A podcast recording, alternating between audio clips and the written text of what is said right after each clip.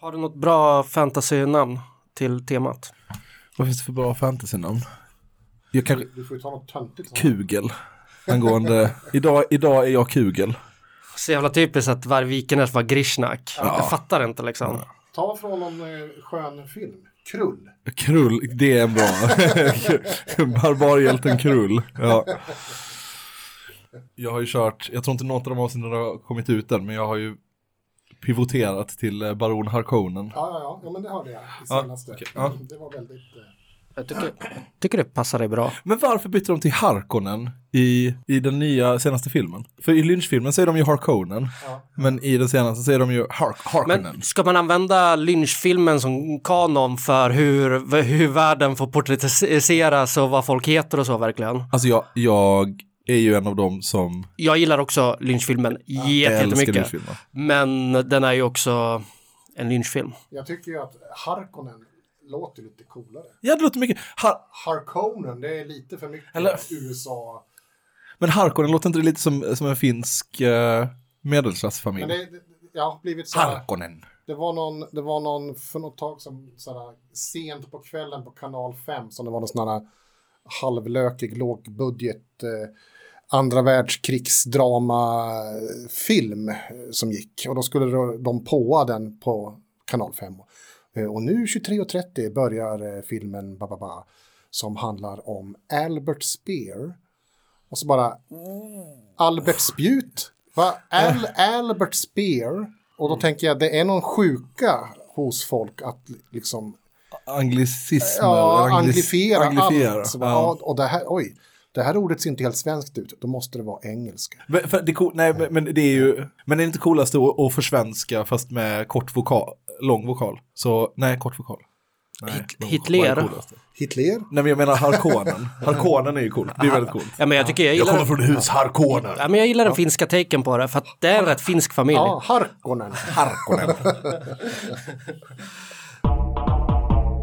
Comintern.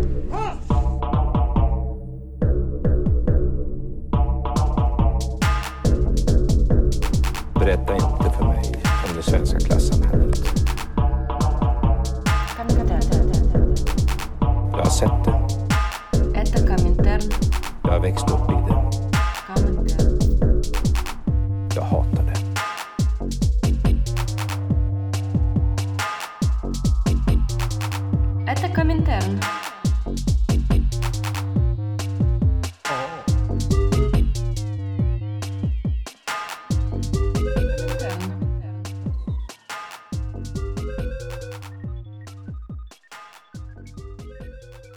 Då så, då tycker jag att vi drar igång. Då sitter vi här idag, tre stycken samlade, två, två bekanta. Vi har Ryan här på mixerbordet. Samt eh, Baron Harkon, Harkonnen. Baron Harkonnen. Och vill du presentera dig själv? Daniel heter jag. Det är, uh, tänkte jag fråga om det är ditt riktiga namn. Det kommer med nackdel att presentera sig med riktiga namn här. Men mitt, mitt riktiga namn är alltså Gaspar. Ja, exakt. Det är att eh, heter man eh, Daniel och eh, är född under det decenniet som jag är född så heter typ 50% av alla män Daniel. Helt sant. Eller kanske Anders kan man också heta. Man kan också heta Anders. Ja, Ja, eller Andreas. ja. Yes, och vi har samlats här idag i alla fall. Eh, vi, men kanske främst ni, har ju ett gemensamt eh, intresse som ni gärna eh, lever ut men eh, också pratar om och det är nämligen eh, Tunnbinderi. Tunnbinderia. Tunnbinderi. Exakt. Vi har rollspel och då menar vi inte sexuella rollspel utan vi pratar om gamla klassiska rollspel. 20 män i en källare, svettigt. Ja, jag ska, man kan väl också understryka att det här handlar ju heller inte om eh, det som ibland kallas för rollspel men som typ spelas på, inte vet jag, Playstation och Xbox. Om man googlar rollspel så är ju liksom första träffarna, eller om man googlar RPG, då får man ju upp eh, såna här, jag är för gammal så jag vet inte knappt vad de heter, de här spelen. Det är, Sky, Skyrim. ja, typ sånt. Ja. det, det är inte det vi ska prata om idag. Nej, vi talar om när man sitter öga mot öga vid ett Ja. bord och fantiserar tillsammans. Det är, det, är, det är män, det är oftast män. Mustigt, kroppshygienen är inte top notch. Det är stora mängder snacks, chips, folköl, bullar. Det är ofta dålig ventilation. Det är mycket tärningar och pennor och papper och böcker. Alltså man, man kan ju vara väldigt, eh, eh, vad heter det, self-deprecating, vad är den svenska termen? Eh, man, kan vara, man kan vara hård mot sig själv.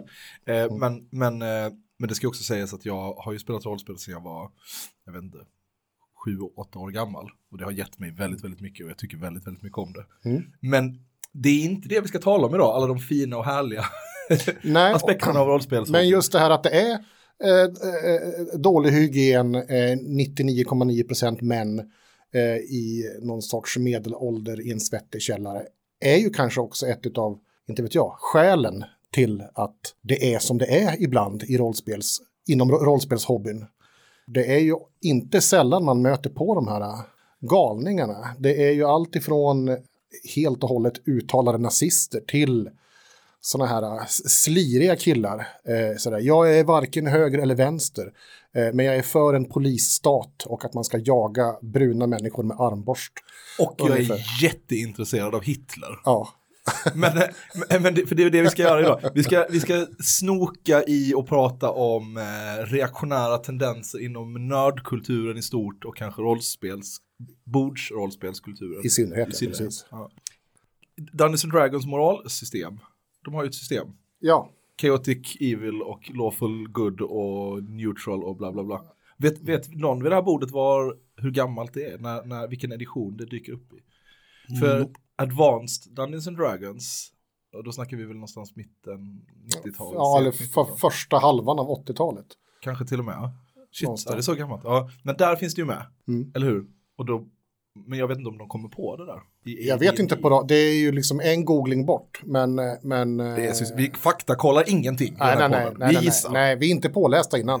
Nej. Vi bara, vi skjuter från höften och chansar. Killgissar mycket. Nej, men, eh, det, men man ska väl skjuta in kanske att just det här alignment-systemet i Dungeons Dragons är ju, jag ska inte säga att det är unikt för Dungeons Dragons, men det, det är ju väldigt, det finns ju motsvarigheter i andra spel, men det är ju liksom, pratar man eh, Lawful Evil och, och eh, Lawful Good och så vidare så är det ju, det första man tänker på är ju Dungeons. Det är ju det, det, är det man snackar om.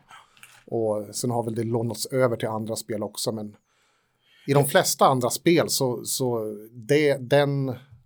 Man har ju också i de senare editionerna tonat ner det där lite grann. Det är inte lika liksom... Nu är det ju fifth edition som gäller. Och det, det, det finns ju fortfarande kvar, men det känns inte som att det är lika liksom. Nej, och jag kan inte tänka mig att Gary Gygax, eller vem det nu var som kom på det där alignment-systemet, såg på sig själv som någon slags moralfilosof. Utan han ville väl bara, du vet, få ner något på papper som man kunde gamea om, liksom. Han var väl en sån här skön libertarian-hippie liksom. Ja, med hawaiiskjorta och, och var lite så här skattesmittartendenser och sådär. Mm. Men hur, hur funkar det då, då? Jag- kommer in som, eh, jag är halvalv, jag är rasblandare i, i, spel, eh, i rollspelets värld. Och eh, till någon by och byäldsten säger till mig, ja ah, men eh, skogens troll har fört bort en, eh, en prinsessa. Om jag är god innan, kommer jag hjälpa den personen då? Och, om jag är ond, kommer jag liksom försöka göra en deal med trollet? Jag tror att man ska vända på det. Jag tänker, nu ska inte jag säga att jag sitter med facit, för det, folk spelar ju på olika sätt. Men hade det varit, om, om vi hade spelat, så hade jag väl sagt att det här med alignment är ganska flytande. Så om du börjar, eh, om du, när du gör din karaktär skriver så här, jag är lawful good.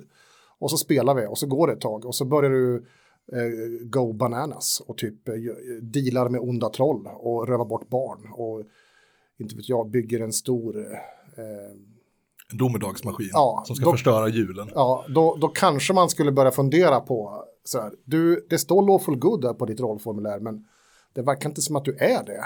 Är, ska, är det verkligen, stämmer det här? Och då kanske du säger, nej, det, jag hade en idé när jag gjorde gubben, men det blev inte så, så att det får nog bli chaotic evil istället, eller något annat, vad det nu kan vara. Och då får man liksom ändra. Så att det är, det är lite grann ändå så att det är ju dina handlingar som, ditt, ditt alignment är ju summan av dina handlingar. Alltså det finns ju, det slår mig nu när jag tänker på det, att det finns, alltså i, vad det, någon World of Darkness edition, som är rollspel där man spelar olika former av eh, liksom, eh, gotiska monster, alltså varulv eller vampyr eller spöke eller mumie eller vad det nu kan vara liksom. De har ju ett system som är där man väljer en av de sju dödssynderna. Som det är liksom wrath eller pride eller gluttony eller något sånt där. Och sen så är det på något sätt då en, eh, en indikator för ens karaktärs sämsta sida. Och sen så väljer man sen en, en virtue också som är någon av sju ja, valbara. Och sen så är det då ens karaktär från dess bästa sida. Så när, när man ska, så kan man då ta dem som råmärken när ens karaktär blir pressad i olika situationer. När man blir väldigt hårt utsatt för eh, någon form av yttre tryck. Så tar sig då ens karaktärs, ut, eller karaktärs reaktion blir då på något sätt speglas av det här. Ett av mina favoritspel är ju Armies. Mm. Och där finns det ju då, det kanske inte är någon moralkompass egentligen, utan det är väl mer en, en mätare på hur du mår rent psykiskt, din mentala hälsa om man säger. Och då kan du bli utsatt för olika typer av stress. Eh, och det finns då en mätare för varje stresstyp. Våld, övernaturligheter, hjälplöshet och så vidare. Och i spelet då, om du, inte vet jag, blir utsatt för våld, då får du slå en eh, tärning då för att se hur, hur, hur fixar du det här liksom. Och lyckas du eh, eh, så är det ju bra, då, då tar du inte så stor skada av det, medan om du misslyckas då så kan du ju bli psykiskt knäckt. Problemet är ju bara att om du blir utsatt för våld, slår bra och inte blir psykiskt knäckt så är ju eh, då blir du också avtrubbad och härdad. Så med tiden så börjar du ju bli psykopat och helt eh, bryr dig, har svårt för empati, tar lätt till våld, tar till våld, folk ber om nåd, men du tycker att men det här med nåd, eller liksom att det gör ont på dig, det, har väl inget, det är väl inget problem egentligen. Det är ju det är sånt som, det är så världen ser ut. Det gör, allt gör ont och nu gör det ont på dig. Ja. Men de har, det är väl en av många, eller det är väl kanske ett av de mer sofistikerade sätten att försöka tackla eh, de här liksom svår, svåra frågor i rollspelsvärlden. Это Коминтерн. Vet ni vad, vi kan tala hur mycket som helst Ja. om rollspel i stort. Eh, För nu ska vi prata om nazister. vi ska prata om nazister och deras rollspelande. För så här skulle man kunna säga, eh, på pappret så är ju rollspel, skulle det kunna vara något väldigt, alltså det, det är ju någonting väldigt eh, progressivt och befriande i att eh, tillsammans med några vänner helt fritt fabulera ihop en värld tillsammans som man sen eh, rumsterar runt i och roar sig i. Eh, det är ett utrymme där man kan eh, eh, leka både med identiteter och förutfattade meningar och fördomar och på så sätt eh, göra dem tydligare för sig själv och, och kanske eh, bearbeta dem och övervinna dem och sådär. Eh, så är det ju långt ifrån alltid dock. Eh, som i alla kulturella yttringar så smyger sig högern in och försöker ta plats. Ja, jag tycker ju om man, om man som jag då härjar runt på so sociala medier, härjar, smyger runt snarare, läser, lur lurkar, eh, så tycker jag att det, det är liksom en, det är som en fantastisk eh, temperaturmätare på samtiden. Att gå in på de här rollspelsforumen, eh, de här Facebookgrupperna, Twitter, allt möjligt och läsa vad, vad folk säger och också se vad det, vad, vad är det folk bråkar om liksom? Och det är ju samtidigt som man, man kan slå på tvn hemma och slå på nyheterna och det står någon moderat och pratar om gangsterrap och hur farligt det är och, och att det, är liksom, det borde förbjudas och så vidare. Så har man ju liksom liknande tendenser överallt annars i samhället och i synnerhet också rollspel, att det är de här helt puckade, konstiga kontroverserna som uppstår. Det är det jag tycker är, det är fascinerande. Och det är ju, man ska väl understryka, det här är ju ingenting som är unikt för rollspel. Det är ju inte så att rollspel i sig liksom frammanar den här tendensen, utan det är väl bara att det är väl, återspeglar väl samhället i stort, skulle jag vilja- vilja säga. Men som, som, som att ta ett exempel då på, på detta så var det ju ett eh, Twitterbråk, eller vad man ska kalla det för, för några år sedan, som då fick namnet D&D Gate. Eh, som var, ja nu är det kanske några år sedan, vad ska vi säga, 2018 tror jag det här var. Kortfattat kan man ju säga då att en av de ledande snubbarna inom rollspelsbranschen, Jeremy Crawford, som då sitter och är någon sorts ledande speldesigner hos Wizards of the Coast, de som alltså ger ut Dun- Dungeons and Dragons, Han skrev, eh, han la ut en tweet på Twitter apropå det här med eh, flyktingströmmar in i USA. Att, eh, ja, som många känner till, vi har ju den här situationen där människor från Sydamerika försöker fly genom Mexiko och ta sig in i USA. Men väl på andra sidan gränsen så sätts de i typ koncentrationsläger motsvarande. Och det har ju varit mycket intern debatt om det här i USA och eh, till saken är då att den här Jeremy Crawford twittrar och utifrån Dungeons and Dragons och skrev då typ att om det här hade varit ett rollspel och det hade funnits något typ av kungadöme eller land som satte barn i läger och separerade dem från sina föräldrar så hade spelet gått ut på att spelarna, det vill säga hjältarna, hade försökt att frita de här barnen och återföra dem till sina föräldrar.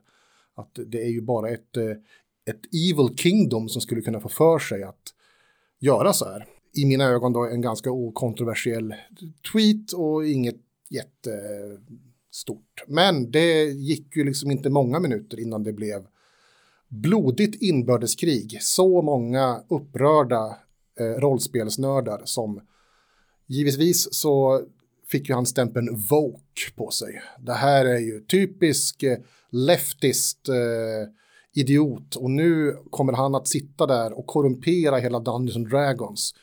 Det och det har blivit ett kommunistspel skapat av Jeremy som sitter och tycker synd om sydamerikaner som kommer hit med sitt knark. Och, och så vidare och så vidare. Och sen var det liksom igång. Och så, ja, man kan dra upp mängder med exempel i det här bråket. Då. Och man skulle få honom avsatt, han skulle få sparken, man kan inte ha en sån här invandrarkramande snubbe som sitter och skriver rollspel sitt favoritrollspel, det går ju bara inte. Och så vidare och så vidare. Eh, och det, den här typen av bråk och tendenser har man liksom sett även i andra sammanhang och även i Sverige och så vidare. Men det, det, det är en sån här det är, det är fascinerande. Det, det känns som att det kan finnas, det känns som att det kan finnas en motsättning inom, eh, inom eh, fantasy och science fiction-världen. Eh, jag säger inte att den finns, men eh, precis som vi pratade lite om i början med moraliska alignment så är ju vissa av så här grundantagandena inom eh, de ontologiska antagandena inom de här spelvärldarna är rasdeterminism, Dvärgar är på ett visst sätt, orcher är på ett visst sätt, människor är på ett visst sätt. Och ens karaktär måste vara, utgå ifrån de här. Och det finns onda raser och det finns goda raser. Precis som att i start, alltså i science fiction så finns det alla utom människorna i princip har vissa tendenser som är definierande för kultur, deras mm. evolutionära utveckling och sånt. Och de har liksom en enda stor arketypisk, arketypisk mm. sätt att vara på. Mm. Det är som en essens. Det är en essens, exakt, mm. exakt. Och samtidigt så är det precis som um, Gaspar eller Harkonnen uh, sa uh, innan att det är en möjlighet för människor att utforska världen. Att, att vara, att, att utforska olika identiteter och sånt. Men det är inte konstigt att, att ett community kan gå in i det och se helt olika saker ifrån mm. varandra mm. och kan bli chockade och förvånade när mm. en person som har varit med och skapat spelet eh, kanske reagerar på ett visst sätt. Mm. Det är kul när du just den biten eh, har ju Wizards för inte allt för länge sedan gått ut och hintat om att man tycker att det är problematiskt att eh, orcher är essens, essentiellt onda och eh, skogsalver är goda och gnolls är eh, ja, sådär. Så där har man ju börjat då att glida ifrån och göra det mindre liksom eh, mallat som man har haft det hittills. Att, eh, Gnolls eh, kanske inte alltid är onda och de behöver definitivt inte vara kanonmat. Det kanske till och med är så att man kanske kan spela en gnoll som spelarkaraktär eller en ors och, och sådär. Och eh, vet ni vad? det blev ju ett jävla liv ja, där det också. Det blev ju ett ramaskri. det är ju, folk gick ju i taket. Att det här är ju, det här är liksom critical race theory. Det här är liksom kommunistiskt eh, liberalt trams. Liksom. Det här ska vi liksom inte hålla på med. Det ska vara som det alltid har varit. Liksom. Men jag skulle ändå vilja hävda, eh, och jag tycker, jag tror, tycker att det är svårt att argumentera mot att fan, fantasy som genre är inneboende reaktionär. Alltså det, det förutsätter alla de här rasessentialismen, Det förutsätter alltid att det finns kungar. Eh, och så vidare och så vidare. Och dessutom så är det ju, alltså det är ju en jätte, fan nu, nu ska jag försöka säga något smart här men jag känner att jag inte riktigt eh, de mentala Det, det, är ju inget, det är ju ingen slump att Anders, Anders Bering Breivik, eh, när han gick runt på ön med och sköt barn, eh, hade på sig hörlurar med soundtracket till Lords of the Ring. Nej, Eh, nej det låter det- ju, visste jag inte men det låter ju helt... Det, det är ju liksom en, och innan då var ju han en eh, stor World of Warcraft-spelare. Ja, det. Och det är inte därför han blev nazist dock. Nej. Eh, Men Men, det, men det, inte, det finns heller ingenting i den, eh, den världen som, eh, som utmanar honom i hans nazism. Han kan hela tiden strykas medhårs. Det är väldigt lätt att befinna sig i rum där den, eh, alla de impulser Oh ja. han får från det spelet. hela, hela, hela Sagan om Klickar. ringen-eposet liksom med eh, The Men of the West mot de svartfolken som kommer och så vidare. Men det, det, det är ju, du behöver ju liksom inte anstränga dig för att läsa in din eh, liksom eh, ariska, rasbiologiska eh, Världsbild. världsbild. Men det blev ett eh, blodigt inbördeskrig, kanske ett svettigt, flåsigt, tungt. Eh, Men, eh, kan du dyka ner lite i det? Vad var det som hände inom, inom den här communityn? Fanns det några tydliga splittar och sånt mellan de spelare som då, då eh, ja, men kanske hade sina rötter inom en mer vänstertradition och så? Kanske lite mer tidig det, och- det och det och en, en reaktionär Ja, det- rörelse. Det finns ju en sån här eh, subgenre, får man kalla det för, inom eh, rollspelsvärlden som då heter OSR förkortat. Old School Renaissance eller Old School Roleplay eller vad man kallar det för.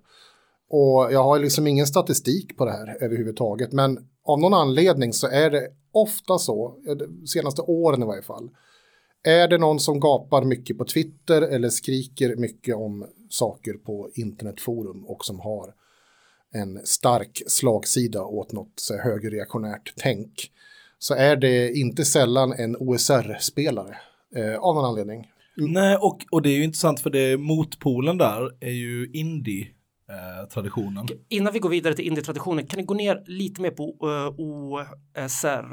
Uh, alltså old school, Old renaissance. school, ja, old school renaissance eller old school roleplay beroende på vad man ja, läser in i det där. Bara en snabb recap. Vad Vad- var det? Ja, det är alltså en, det har väl kommit senaste tio åren kanske, där man då, man vill vara old school. Man vill spela rollspel som man gjorde på 80-talet. Det är en orgie i nostalgi, 80-talsromantik, alltså att man vill tillbaks till vad man då säger, det är det här, eh, oftast är det ju liksom eh, snubbar födda på, inte vet jag, tidigt 70-tal som spelade rollspel i sina tonår på 80-talet och sen har det gått en massa tid och nu vill man tillbaks till the glory days och man vill ha eh, fräcka monster i grottor och man ska röja runt med svärd och slåss mot skelett och kasta magi och sådär. Eh, väldigt liksom eh, back to basics och så. Och i, i den här eh, strömningen så, så finns det ju liksom en, i den här nostalgin så finns det ju något konservativt. Inte alltid, inte överallt, men, men, men av någon anledning så det, det lockar väl till sig kanske en viss typ av spelare med en viss typ av inställning, antar jag. jag skulle, det finns ju gott om exempel på OSR-spelare och OSR-spel som definitivt inte har de här tendenserna, men det är, jag skulle våga säga att det är någon typ av överrepresentation. Jag vet inte. Jag har, det kanske går att föra pinstatistik på sånt här. Jag har ingen aning, men Vi har konstaterat att detta inte är en podd som förlitar sig på källor. detta, detta är en källfri podd. Ja, och där är det, vi har ju en, eh, vi har ju ett, det finns ju hur många exempel som helst på sådana här eh, eh, personer eh, inom den här OSR-communityt då. Vi har ju då en, en, en person som man kan ta som exempel, Wenger Satanis, som har en blogg eh, där han skriver saker och han har även gett ut en massa eh, spel. Han ställer glatt upp på intervjuer också. Så googlar man runt lite så hittar man en del intervjuer med honom. Och han är ju en person som har gått från att vara en sån här klassisk snubbe som jag är varken höger eller vänster, men jag tycker inte om eh, homosexuella och jag tycker att eh, eh, jag ska inte behöva betala skatt och eh, ah, alltså trad traditionell amerikansk så här, eh, högersnubbe liksom. Till då att eh, i samband med Trump så, där, så gick han ut full Trump-supporter, alt-right och nu är det liksom all in. Jag ska inte säga att han är Qanon-anhängare men det skulle inte förvåna mig om han är det också. Liksom. Och han, är ju, han beskriver ju sig själv och sitt spelande som att jag spelar rollspel så som det var tänkt. Det vill säga, det ska vara mycket nakna brudar som är fastbundna. Eh, lite göttiga våldtäkter eller i varje fall tendenser åt det hållet. Och det, man ska ha ihjäl folk på ett sånt där coolt sätt.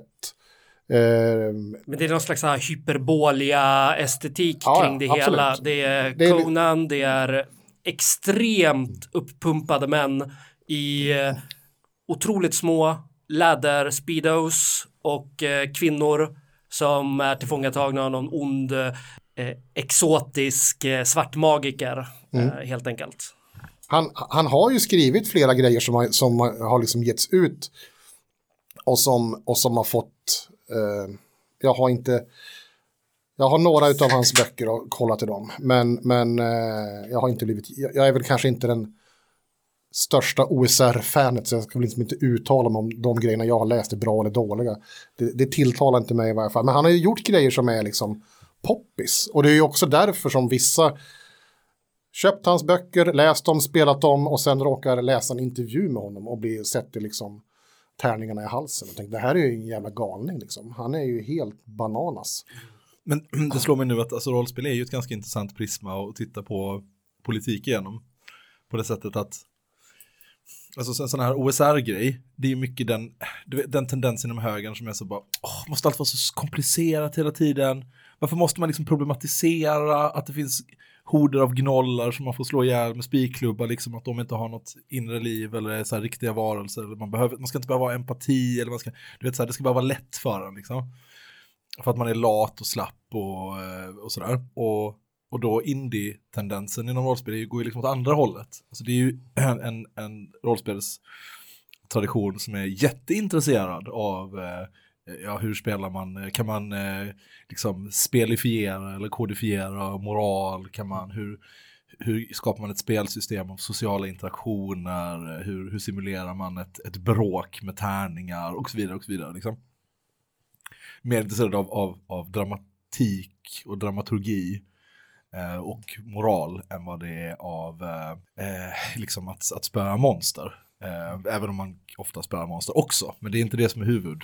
Jag vill understryka att det är inte fel att spöa monster. Det är aldrig fel att spöa supernice. monster. Det är riktigt nice att spöa monster. Det det är bara det, är bara det att Men man ska fråga sig vem som är det egentliga monstret. vem är det riktiga monstret? men, alltså, men då är det också bara så bara, så, och det är också helt okej att inte gå in i varje spelsession och vara så här, tänka så här, oh, nu ska vi utforska det här komplexa sociala, eh, de här komplexa sociala frågorna och bla bla bla liksom. Eh, jag ska förädla mig själv som människa, såklart inte, ibland får man bara dunka pisset ur ett monster eller två. Men, Eh, att du vet den här gnälliga, barnsliga, "Nej, jag, vill inte, inte, mitt, inte min lilla hobby, ska vi väl inte behöva tänka och fundera, och den ska väl inte behöva vara eh, inkluderande, du vet så här, den, den sätts, det sättet att vara höger, det ser man ju på jättemånga olika ställen i samhället liksom. Det, Det, är ju, det, det, känns ju som att det, är den där reaktionen då. Att det är ju jättemånga spel. Dun- Dungeons Dragons återigen då är ju ett av de största. Och i de nyare utgåvorna så har du då. De, de, det är ett stort företag, de har ju råd att liksom anlita riktigt duktiga illustratörer och så vidare. Och, och- beställa bilder eh, ordentligt. Och där har man ju då medvetet lagt in eh, bilder på eh, där det för 20 år sedan var en vit man, står det nog en, en svart kvinna med liksom höftskynke och tvåhandsyxa och vevar. Och det retar ju gallfeber på folk, för de tycker att va? Ska det vara en svart kvinna som, som ska liksom vara eh, sinnebilden för den coola barbarkrigaren? Det här är ju fel, det här är ju det här, det här är inte old school. Men det blir så himla tydligt också på alltså att högerns enda anspråk på eh, att saker ej ska förändras är, är vana.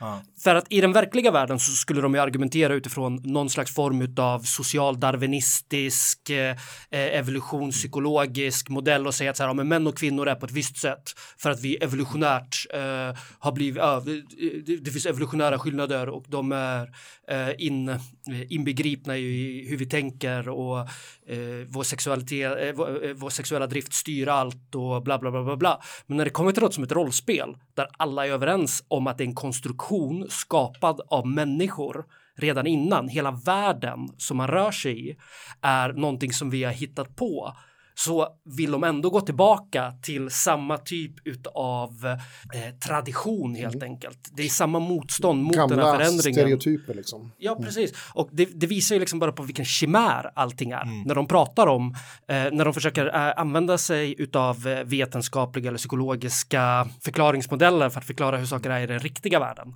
Det är bullshit. Pure ideology, sniff Ja. sniff. Men det, det är där det blir så märkligt också, för det är ju ofta de här människorna är ju i, i samma andetag som de liksom gråter över att deras eh, favoritrollspel har blivit eh, ett vänsterextremistiskt kommunistprojekt som många hävdar då, eh, så är de ju allihop pro-kapitalism, pro-fri marknad och gapar och gnäller om att eh, Eh, du ska köpa och sälja varor på en marknad och om du inte gillar varan så ska du låta bli att köpa den.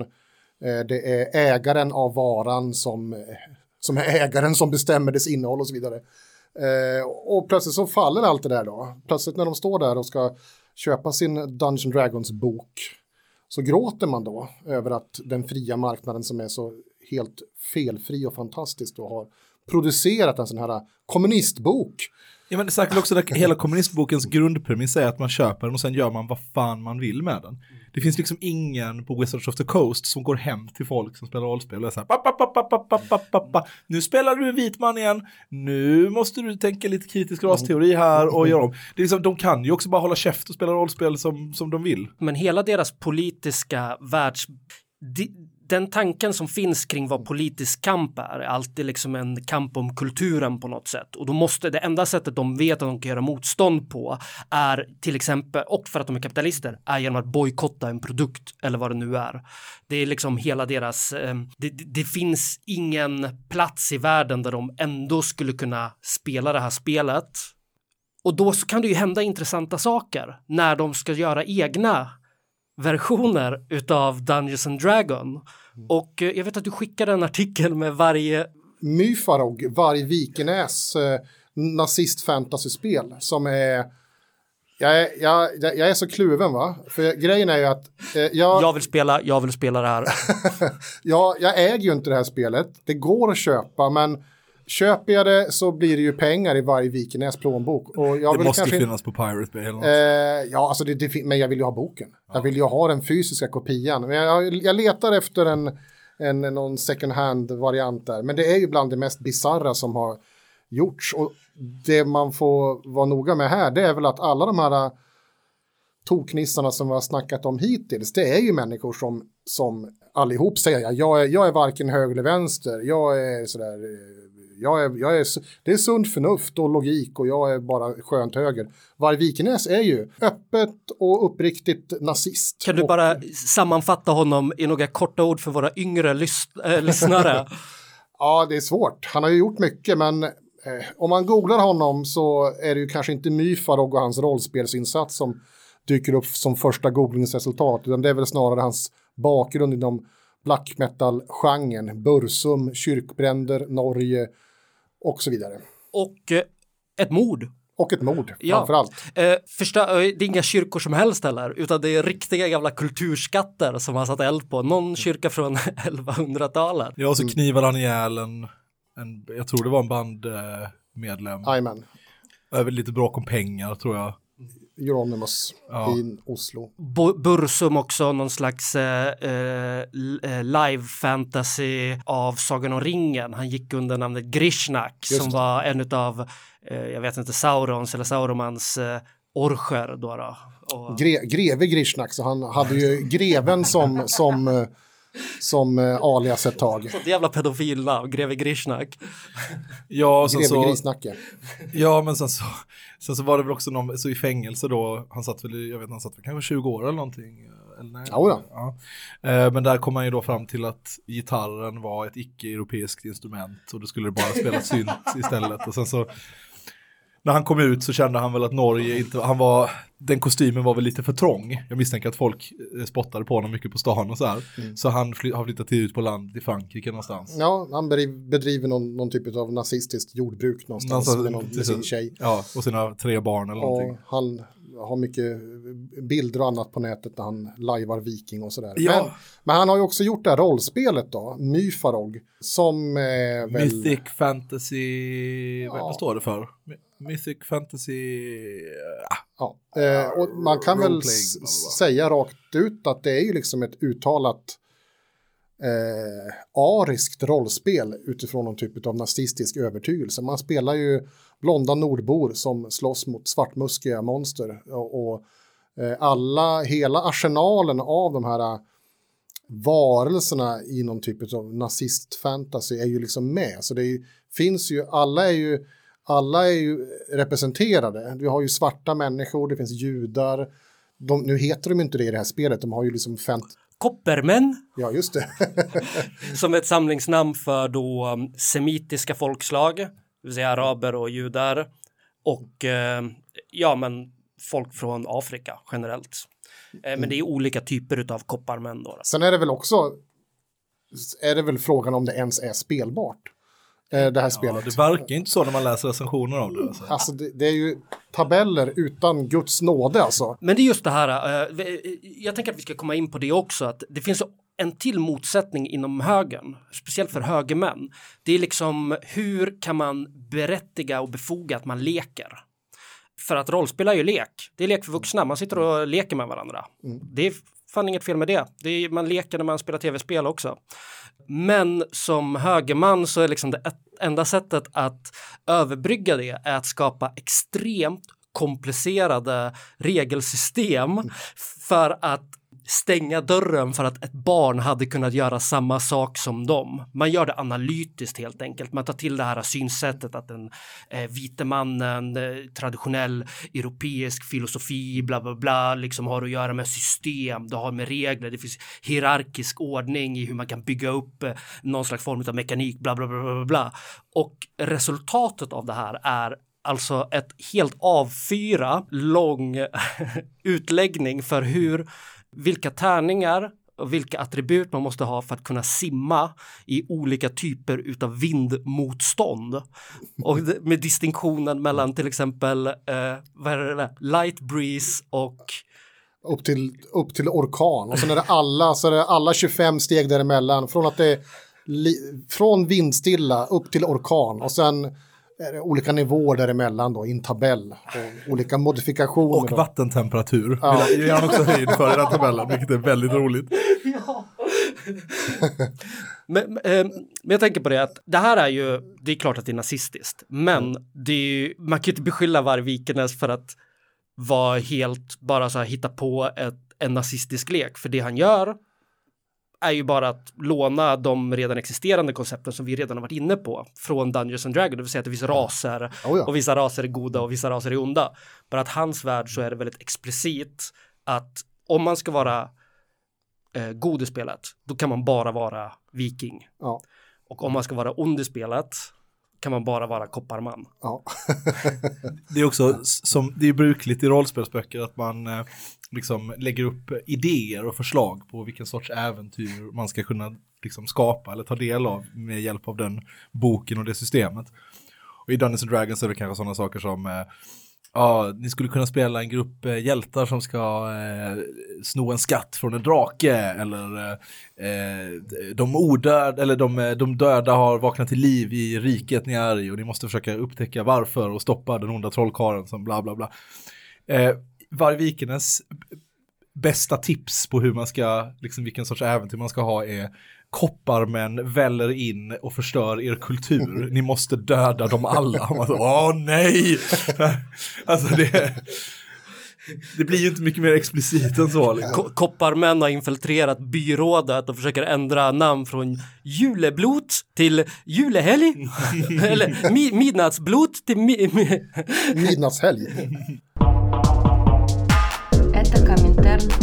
Eh, reaktionära element inom rollspelsrörelsen eller det som vi pratar om just nu är ju liksom inte det enda inom spelcommun spelcommunityt. Utan mm. för ett par år sedan så var ju Gamergate det var en mansrörelse ska man väl säga av gamers som vände sig emot eh, Anita Sarkisian. Sarkisians mm. eh, genomgång av ett spel där hon ifrågasatte de kanske hennes kritik, generella kritik mot spelindustrin, där hon ifrågasatte helt enkelt de könsstereotyper och så som hela tiden eh, reproducerades. Och så. Är det någon som vill, skulle vilja utveckla lite? Ja, det, det, den, den, det, det liknade ju, precis som du sa, så det, det, det är samma liksom eh, reaktion och samma tendens som så många andra.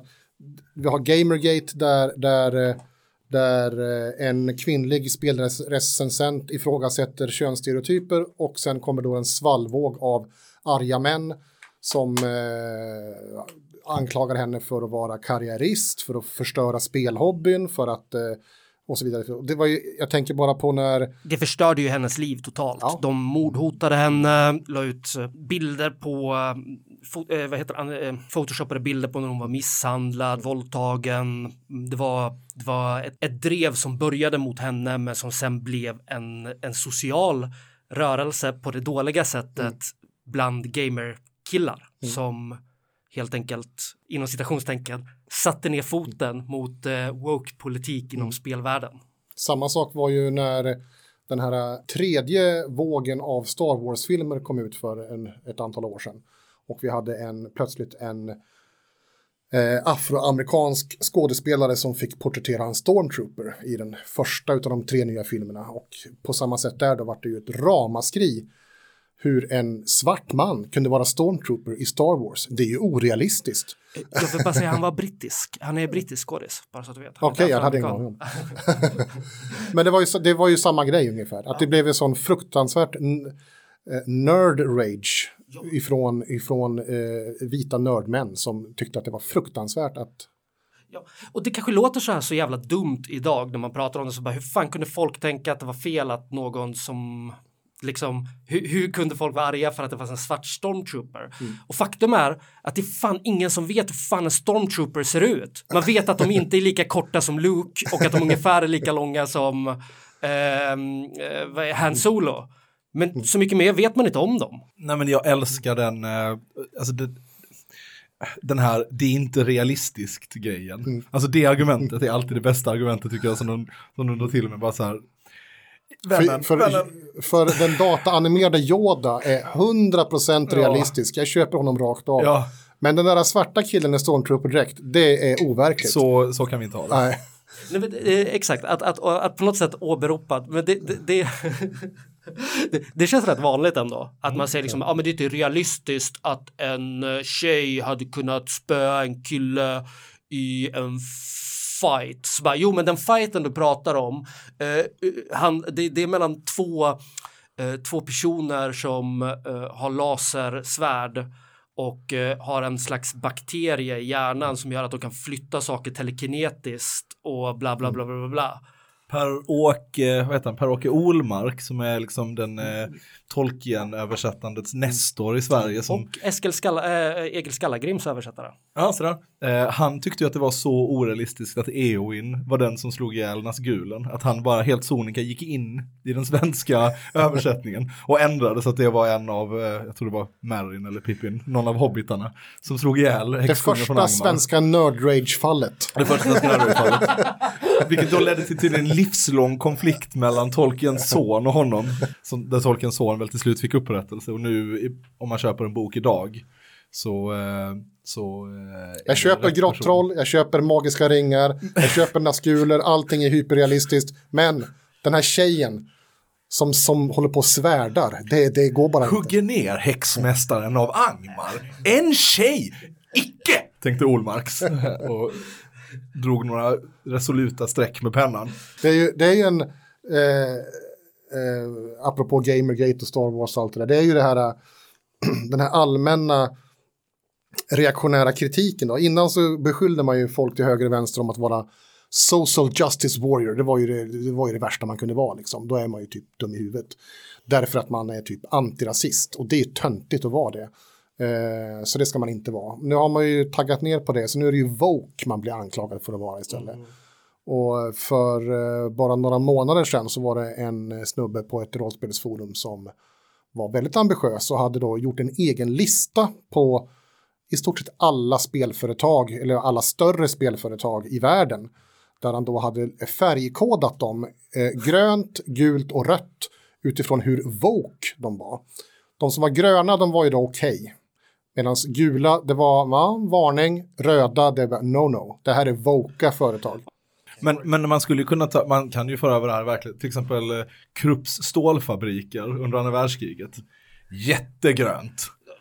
eh, de, de sovjetiska smältfabrikerna i liksom, eh, öster om, flyttade öster om Uralbergen som pumpar ut T34.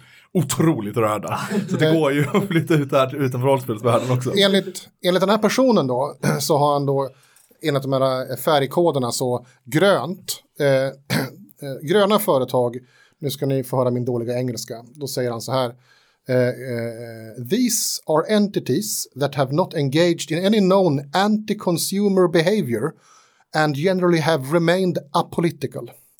Det är alltså anti-consumer behavior att vara woke och antirasistisk och så vidare. Och där är det en hel lista och det är lite kul då att eh, det, det svenska företaget Fria Ligan dyker in där som ett grönt företag. De här är apolitical anser han. Eh, Det är märkligt eftersom eh, Hammaren och Skäran har en tydlig framskjuten position i omslaget på åtminstone en av deras rollspelsböcker. Och det är väl kamrater som skriver det tror jag i alla fall på någon, eller i någon bemärkelse. Den, ja, de, och då, Fria Ligan är ju ganska många också. Det är ju, de är ju ett gäng. Vi har även svenska Riot Mind som heter ut Trudvang Chronicles och de gamla Drakar och Demoner. De är också gröna. Det, de är helt okej. De är opolitiska och håller inte på med anti-consumer behavior. Och sen har list, han, har ju, han har ju verkligen jobbat sig länge då. Eh, det är, eh, den här listan är liksom inte en liten handfull företag, utan det är, han har verkligen gått igenom. Nej, jag- Oj jäklar, ser du scrollar? Det är ju... Jag scrollar på min... eh, Oj, oj, oj, det är ju typ min, det är hundra. Vem, vem är rödast av alla? Ja, give us Eh. the goods. Vem är, vilket är värst? Eh, här kommer då några av mina favoriter. Arc Dream Publishing, de som ger ut Delta Green bland annat och Godlike. Eh, de är då överst på den röda listan. Och eh, han menar då att eh, ett av skälen då det är att i en av Delta Green grundböckerna så finns det en hel sektion om Trump. Och det är ju ingen hemlighet att de som skriver Delta Green hatar Donald Trump och tycker att han är en ren skam. Och eh, två av eh, Art Green Publishings eh, författare har ju med buller och bång eh, emigrerat från USA och flyttat till Kanada under protest för att de, ja. Så att visst, i hans värld, jag kan mycket väl se att de hamnar där högst upp på hans röda lista. Och eh, eh, han skriver då om dem att they are actually more hostile to Trump than actual historical Nazis. Vänta, vänta, vänta, tror ni att han menar att, att de som publicerar det här spelet har mer emot Trump än vad nazisterna skulle ha haft mot Trump? Eller tror ni att de menar att de har mer mot Trump än vad de har mot nazister? Det är senare. Det senare. är senare, 100 procent ja. Jag tror att de hellre, eh, eh, att personen menar helt enkelt att de hade sett, hellre sett Hitler komma till makten i USA än Donald Trump.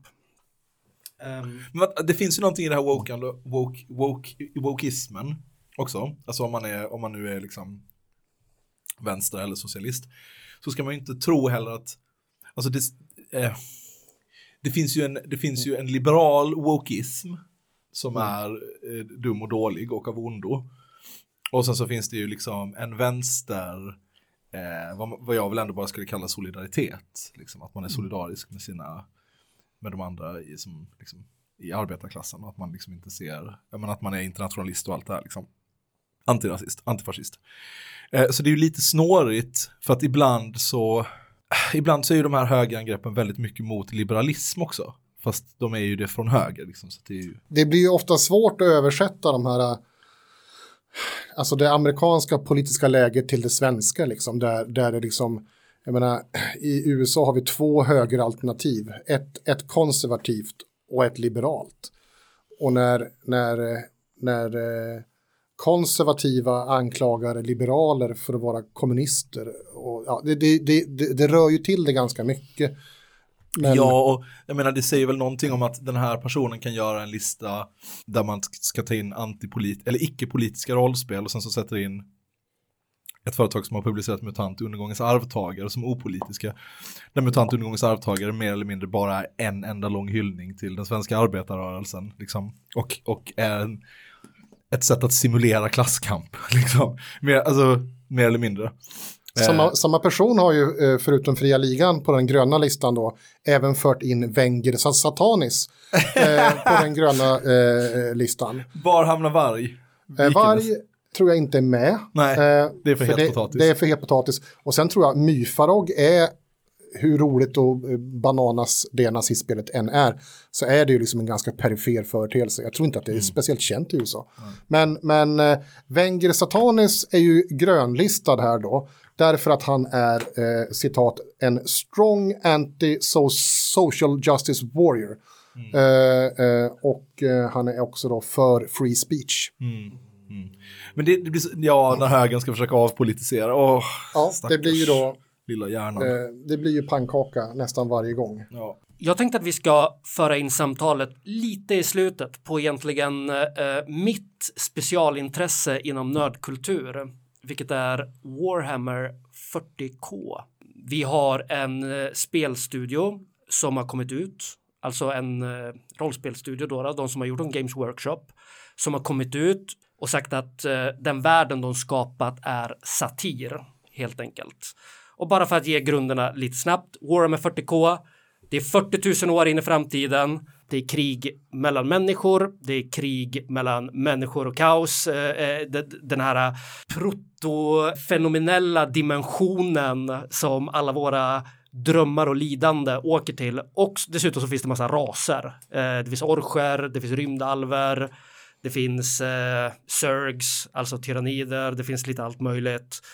Och eh, människans enda hopp är en slags übermensch, en genmodifierad soldattyp Space Marines.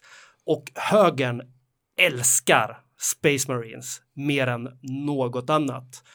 Och för ett par år sedan så uppstod det en kontrovers helt enkelt när höger, olika mm, högerprofiler på internet publicerade en bild på Donald Trump där han framträdde då som gudskejsaren den gudomlige kejsaren i den här spelvärlden. Och jag undrar om någon skulle vilja haka på här och berätta lite mer om vad det var som hände. Alltså, det har väl, det har väl kommit smygande ganska länge. Alltså, eh, man kan väl börja med att säga att Warhammer 40 000 är ju, är ju liksom en produkt av 80-talet, som så mycket annat. Det kom ju där i mitten på, på 80-talet. Och det är ju brittiskt och läser man den första utgåvan och kollar vad som står där så har man ju starka vibbar ifrån den här äh, brittiska 80-tals nördkulturen med liksom starka kopplingar till äh, eh, 2000 AD-serie, Judge Dredd, eh, Rogue Trooper och alla de här, de serierna. Eh, Nemesis the Warlock och allt det där. Det är ju liksom nästan, jag ska inte säga att det är kopierat, men alltså Nemesis the Warlock och, och många av de andra brittiska serierna, är, det, är ju, det, det är ju 40K eller omvänt, de har ju lånat. Men man får väl komma ihåg då att det, Games Workshop var ju, vi ska göra ett fräckt spel till våra tennsoldater. Vi lånar hej vilt åt alla håll och så knöv vi in det i en bok liksom. Ja, och de här serierna som du talar om, de är ju satiriska science fiction-serier Oh ja. med udden riktad mot thatcherismen. Absolut. Så de är ju, de är ju väldigt vänster. Ja. Alltså, väldigt vänster. Ja. Eh, Men sen så med åren så har liksom satirdelen mer och mer slipats bort. Ja. Eh, Kanske framförallt bland i vissa delar av spelarbasen Mm. och, och där man mer och mer tar du vet det här hyllandet av machoism och eh, totalitära rymdimperier. Det är ju verkligen turbo-rymdfascism ut Ja. i fingerspetsarna. Jag Ja. tycker ju att det är jättefränt, men eh, jag kan ju samtidigt se att, eller jag, jag, har ju, jag förstår ju varför typ eh, The Golden One står på YouTube och läser högt ur eh, Space Marine-böcker. Liksom. Men du, då fick ju då alltså Games Workshop som gör det här spelet nu för några veckor sedan gå ut med ett officiellt uttalande från företaget där de säger det här är satir. Vi Ja. är, är emot eh, nazism. Är du rasist så ska du inte spela våra spel. Ja. De var liksom tvungna att göra sån förklaring. Warhammer 40 000 är inte en manual för hur man ska liksom eh, organisera ett gott samhälle. Vi, Nej, vi, vi ska inte leva så här. Här tänker jag att det blir intressant för Games Workshop är ju också ett eh, otroligt lukrativt projekt. De säljer spelrättigheter, filmrättigheter utöver alla sina små Oh ja. numera plastfigurer. Och eh, för att kunna göra det här så framgångsrikt som möjligt så bygger man upp eh, eh, lore kring det helt enkelt. Och hur bygger man upp lore? Jo, men man har massa science fiction författare som skriver böcker. Och de här böckerna, jag tänker upp, eh, måste på något sätt, för att de ska bli intressanta, så måste de ta de villkor, de moraliska och eh, ekonomiska och materiella villkoren som finns i det här universumet på allvar. Det måste vara på riktigt. Mm. Och det enda sättet man kan göra det intressant då är ju att, fram, eh, att skriva om de här personerna i det här universumet som moraliska agenter. Och jag är ändå rätt beläst inom det här. Man generellt sett gör ju Space Marines goda. Det är ju det. Och då kan man fråga sig, eh, är det satir? När jag sitter och läser de om eh, Logan eller vad nu heter i de här tidiga Horus eh, kätteriböckerna. Är det satir jag sitter och läser då? Och jag skulle nog säga att nej, det är inte. Det är absolut inte satir. Det här är författare som tar de här karaktärerna, de här fascisterna på allra största allvar och ser dem som moraliskt eh, överlägsna de personerna som de krigar emot. I stark kontrast då till till exempel eh, Judge Dredd. Så Ja. de, de serierna kan man ju inte läsa utan att garva åt Judge Dredd. Man förstår att det här är en jävla pajas liksom. Ja. Eh, det här är en nidbild. Eh, men det tänker man ju inte, eller man ska inte tänka det i alla fall när man läser om Logan Grimnar eller vad det nu kan vara. Ja, men liksom. precis för att det är ju, det är ju militär sci-fi. Det är ju det det är. Det handlar om att man åker omkring ute i rymden med gigantiska galärrymdskepp som skjuter med eh, massiva titankanoner på varandra och skickar ner eh, rymdriddare genmanip- genmanipulerade rymdsterila också. Förmodligen med väldigt eh, kemiskt kastrerade riddare eh, för att utrota underlägsna raser. Och det blir jag kan förstå att många människor inte uppfattar det här som satir. För när man läser om det här universumet så är det inte satir, utan det är ett företag som vill tjäna pengar och för att kunna tjäna de här pengarna så måste man ta sitt universum på allvar. Och så fort man börjar ta universumet på allvar så tycker jag att det blir svårt att göra anspråk på att det är satir på samma sätt som till exempel Terry Pratchett kan säga att hans böcker är satir. Mm, absolut. Jag, jag tycker att det är märkligt att, eller det är väl inte märkligt egentligen, men det, det, är, det, är, ju, det är ju värt att poängtera att eh, det här med att eh, 40K rymdspelvärlden har varit en favorit bland högerextrema både i USA och Europa. Det har ju liksom, det är ingenting som har kommit i år, utan det har ju pågått ganska länge. Eh, och det har ju suttit långt inne eh, för Games Workshop att göra ett sånt här uttalande och, pra- och, och berätta för sina kunder då om sin spelvärld. Det är ju, det är ju lite anmärkningsvärt.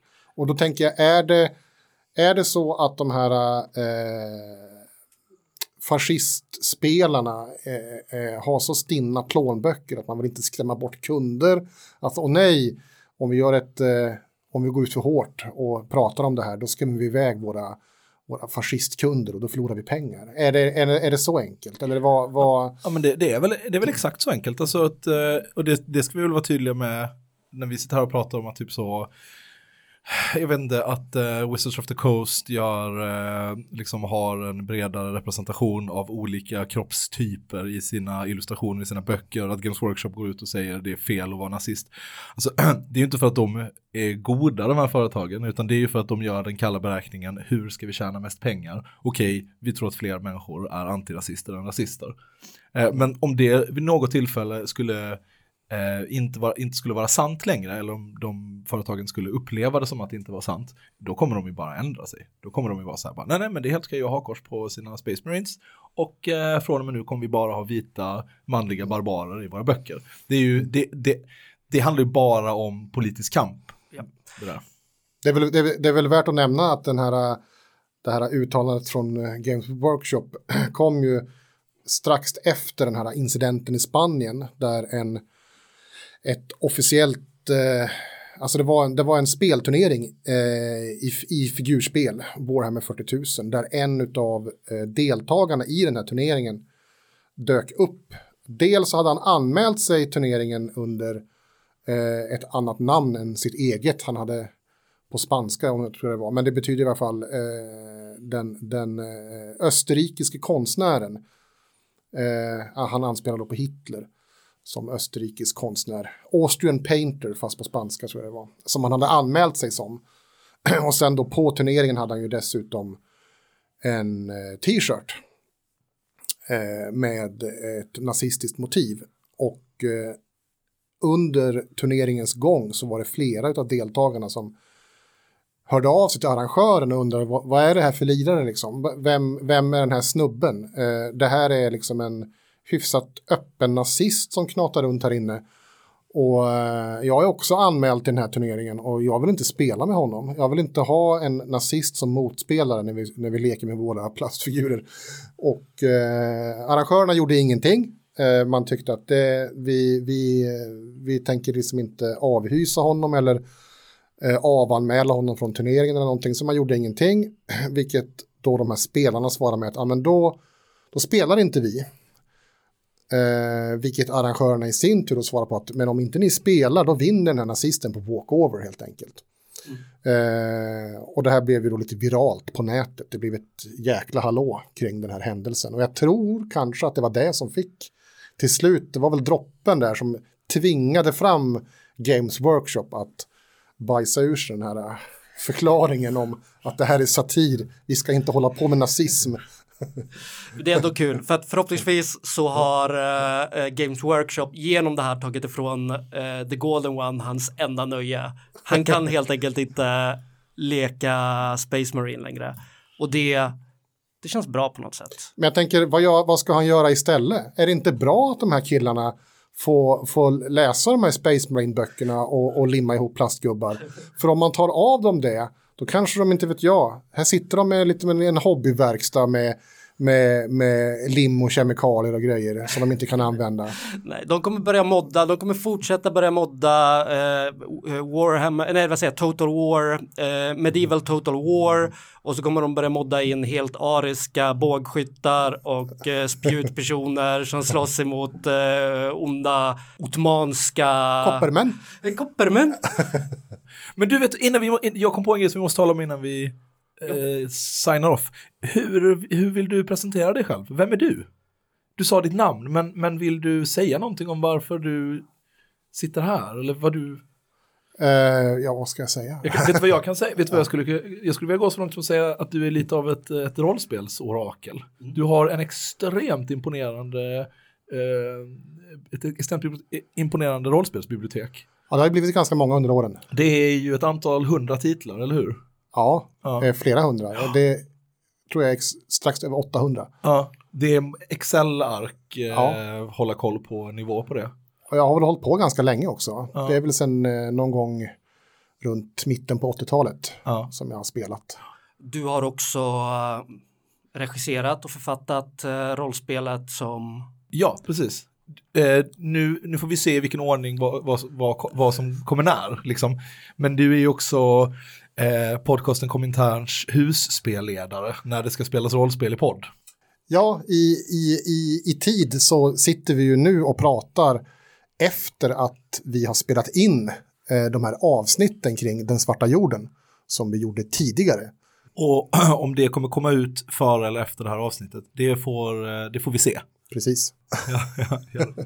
Okej, dimman ligger tät. Eh, Du, kära lyssnare, har tagit igenom en timme eller så av podcasten Komintern. Det tackar vi för.